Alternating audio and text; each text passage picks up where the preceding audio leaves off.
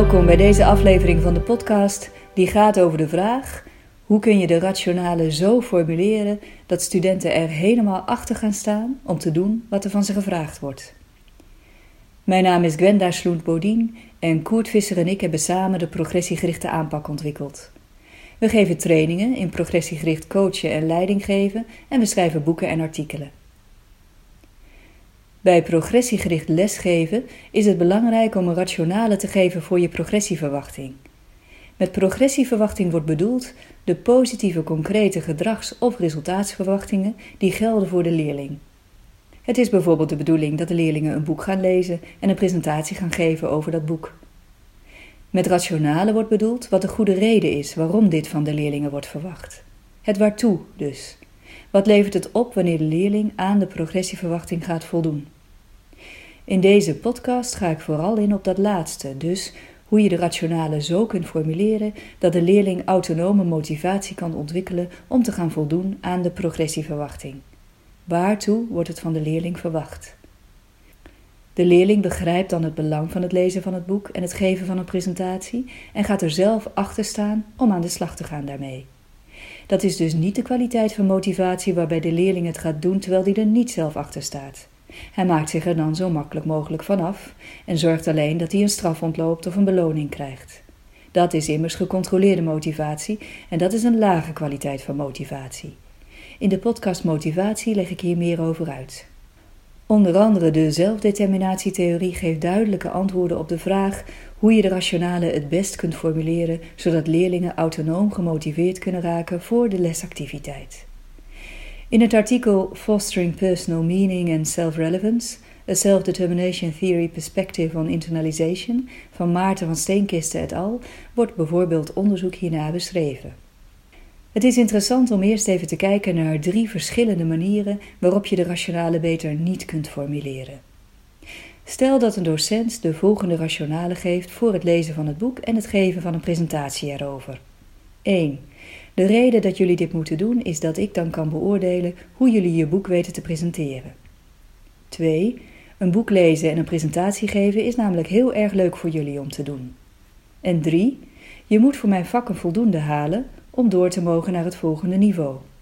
Hoewel elk van deze drie formuleringen van de rationale wel duidelijk maken wat het belang is van wat er van de leerling wordt verwacht, hebben deze drie formuleringen van de rationale elk op hun eigen manier waarschijnlijk niet zozeer het effect van het ontstaan van autonome motivatie bij leerlingen. Een docent die de rationale uitsluitend in termen van het voordeel voor de docent zelf formuleert, helpt de leerling niet goed om externe verwachtingen te internaliseren. Want als de leeractiviteit alleen interessant is voor de docent zelf, waarom zou de leerling die dan vrijwillig aangaan? Een docent die dus zegt: De reden dat jullie dit moeten doen is dat ik dan kan beoordelen hoe goed jullie kunnen presenteren, formuleert de rationale in termen van het voordeel voor de docent zelf. Een docent die de rationale verwoordt in termen van wat leuk is voor leerlingen, probeert de leerlingen daarmee eigenlijk te overtuigen dat ze het leuk moeten gaan vinden om te lezen en presenteren. En als de docent de leeractiviteit op die manier probeert te verkopen, neemt hij eigenlijk te veel autonomie weg bij de leerling. Een boek lezen en een presentatie geven is heel leuk voor jullie om te doen, is geformuleerd in termen van wat leuk is voor de leerling. En nu moet de leerling niet alleen de activiteit gaan doen, maar hij moet het nog leuk gaan vinden ook. Het is beter om tegen een leerling te zeggen: Dit vak is belangrijk omdat je vaardigheden leert die je zo meteen in je stage nodig hebt. Dan dat je zegt: Dit vak moet je gaan doen, want het is heel leuk voor je om de vaardigheden te gaan leren die je in dit vak leert. De derde rationale die was geformuleerd in termen van cijfers. En als de docent de rationale verwoordt in termen van extrinsieke doelen, zoals cijfers, dan wordt bij leerlingen eerder een gecontroleerde state of mind getriggerd dan een autonome state of mind. Dus wat is de persoonlijke relevantie voor de leerling van het lezen van het boek en het geven van een presentatie erover? De rationale zou daar het antwoord op moeten geven. Twee ingrediënten kunnen daarbij helpen. De eerste is dat de leerling moet kunnen gaan begrijpen waarom de activiteit waardevol, belangrijk en interessant kan zijn voor zijn eigen functioneren. En de tweede is dat de leerling moet ervaren dat zijn drie psychologische basisbehoeften worden vervuld, zowel in de aanloop naar de activiteit als terwijl de leerling de activiteit uitvoert. Het eerste ingrediënt: begrijpen waarom de activiteit waardevol, belangrijk en interessant kan zijn voor het eigen functioneren. Natuurlijk kunnen docenten dat bereiken door zelf uit te leggen wat het belang van de leeractiviteit is voor de leerlingen. Maar docenten kunnen leerlingen ook helpen om zelf die waarde onder woorden te laten brengen. Waardestatements die leerlingen zelf hebben geformuleerd zijn vaak nog krachtiger dan waardestatements die de docent aanreikt. Docenten kunnen leerlingen bijvoorbeeld vragen stellen die ertoe leiden dat de leerlingen zelf onder woorden gaan brengen hoe de stof nuttig en bruikbaar en interessant kan zijn voor henzelf. En het kan ook helpen om leerlingen een overzichtje te laten zien van wat ouderejaarsleerlingen waardevol en nuttig en interessant vonden aan de activiteit. Later in deze podcast kom ik terug op dit onderwerp van waardestatements. Rationales, waarin het lesmateriaal wordt gelinkt met het leven van de leerling zelf, blijkt voor leerlingen met een laag zelfvertrouwen beter te werken dan rationales die benadrukken wat het belang is van de leeractiviteit voor de schooltoekomst en voor de toekomstige loopbaan. Als het lesmateriaal gelinkt is aan het leven van de leerling zelf, kan die de stof boeiend gaan vinden, zonder dat de druk wordt verhoogd. Je hebt dit nodig voor het volgende niveau, of je hebt dit nodig om over te kunnen gaan. Een goede manier om interesse bij leerlingen te faciliteren is door contextpersonalisatie. En dat betekent dat de inhoud van de lesactiviteit wordt gematcht met de inhoud van de buitenschoolse interesse van de leerling. Een leerling die bijvoorbeeld als hobby parachutespringen heeft, kan in de natuurkundeles de opdracht krijgen om over zwaartekracht en luchtweerstand bij parachutespringen te gaan leren. De interesse die de leerling heeft in parachutespringen kan op deze manier leiden tot meer interesse in natuurkunde.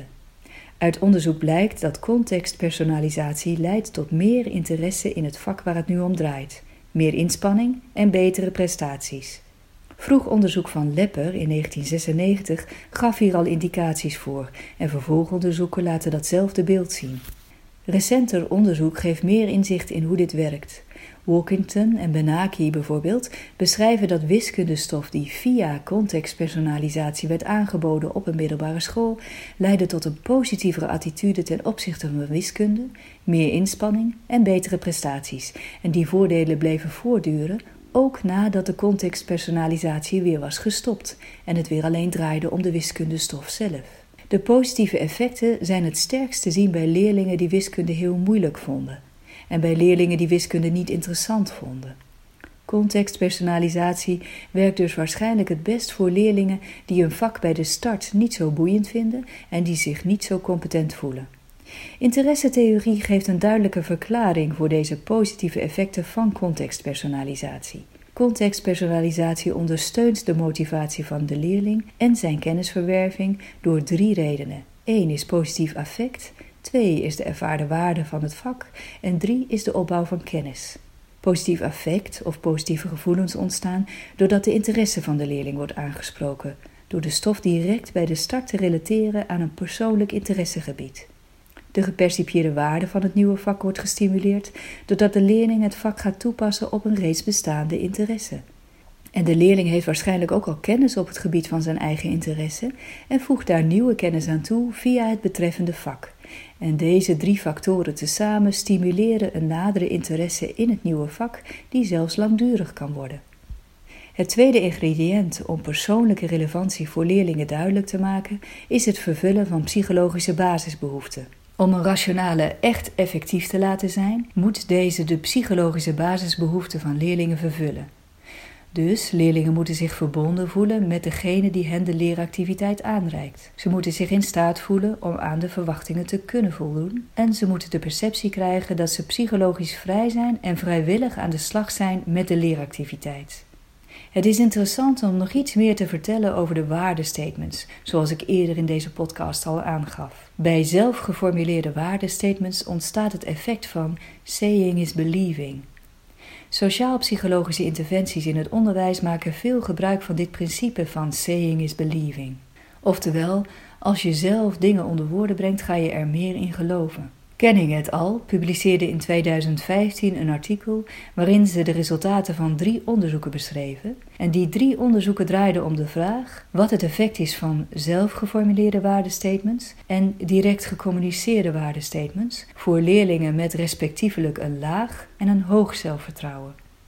Stel dat een leerling een nieuwe vaardigheid aan het leren is En dat zijn zelfvertrouwen dat hij dit kan leren hoog is. En stel nu dat hij in de gelegenheid wordt gesteld om zelf onder woorden te brengen wat de waarde is van het goed leren van deze vaardigheid voor zijn eigen leven. En stel nu dat hij daarnaast een klein stukje leest waarin staat uitgelegd dat leerlingen die de betreffende vaardigheid goed in de vingers hebben gekregen, er veel voordeel van hebben ondervonden in hun stage. Denk je dat dit een ander effect heeft op de leerling dan de situatie waarin diezelfde leerling een laag zelfvertrouwen zou hebben dat hij de nieuwe vaardigheid kan leren? Uit onderzoek van Kenning et al kunnen we afleiden dat bij een laag zelfvertrouwen nog aangereikte waardestatements nog zelfgeformuleerde waardestatements een positief effect zullen hebben op de leerling. De leerling krijgt niet meer interesse en gaat ook niet meer waarde zien in het leren van de vaardigheden. Waardestatements die de leerling worden aangereikt terwijl die een laag zelfvertrouwen heeft dat hij de vaardigheid kan leren, verhoogt juist de druk voor de leerling. En waardestatements die je zelf hebt geformuleerd terwijl je een laag zelfvertrouwen hebt dat je de vaardigheid kunt leren, hebben geen positief effect op de perceptie dat de vaardigheid waardevol en interessant voor je is. Om de waarde van de leeractiviteit te kunnen gaan zien, lijkt het nodig te zijn dat de leerling eerst zelfvertrouwen krijgt dat hij in staat is om de leeractiviteit aan te kunnen. De leerling moet dus een groeimindset hebben ten aanzien van de leeractiviteit. De derde studie van Kenning et al laat zien dat voorbeelden van de relevantie van de nieuw aan te leren activiteit in het dagelijks leven, de gelegenheid krijgen om te oefenen met de nieuwe vaardigheid en het zelf onder woorden brengen van de waarde van de vaardigheid een positief effect heeft op leerlingen die in eerste instantie een laag zelfvertrouwen hadden. Dus een combinatie van aangereikte en zelfgeformuleerde waardestatements hebben dan een positief effect.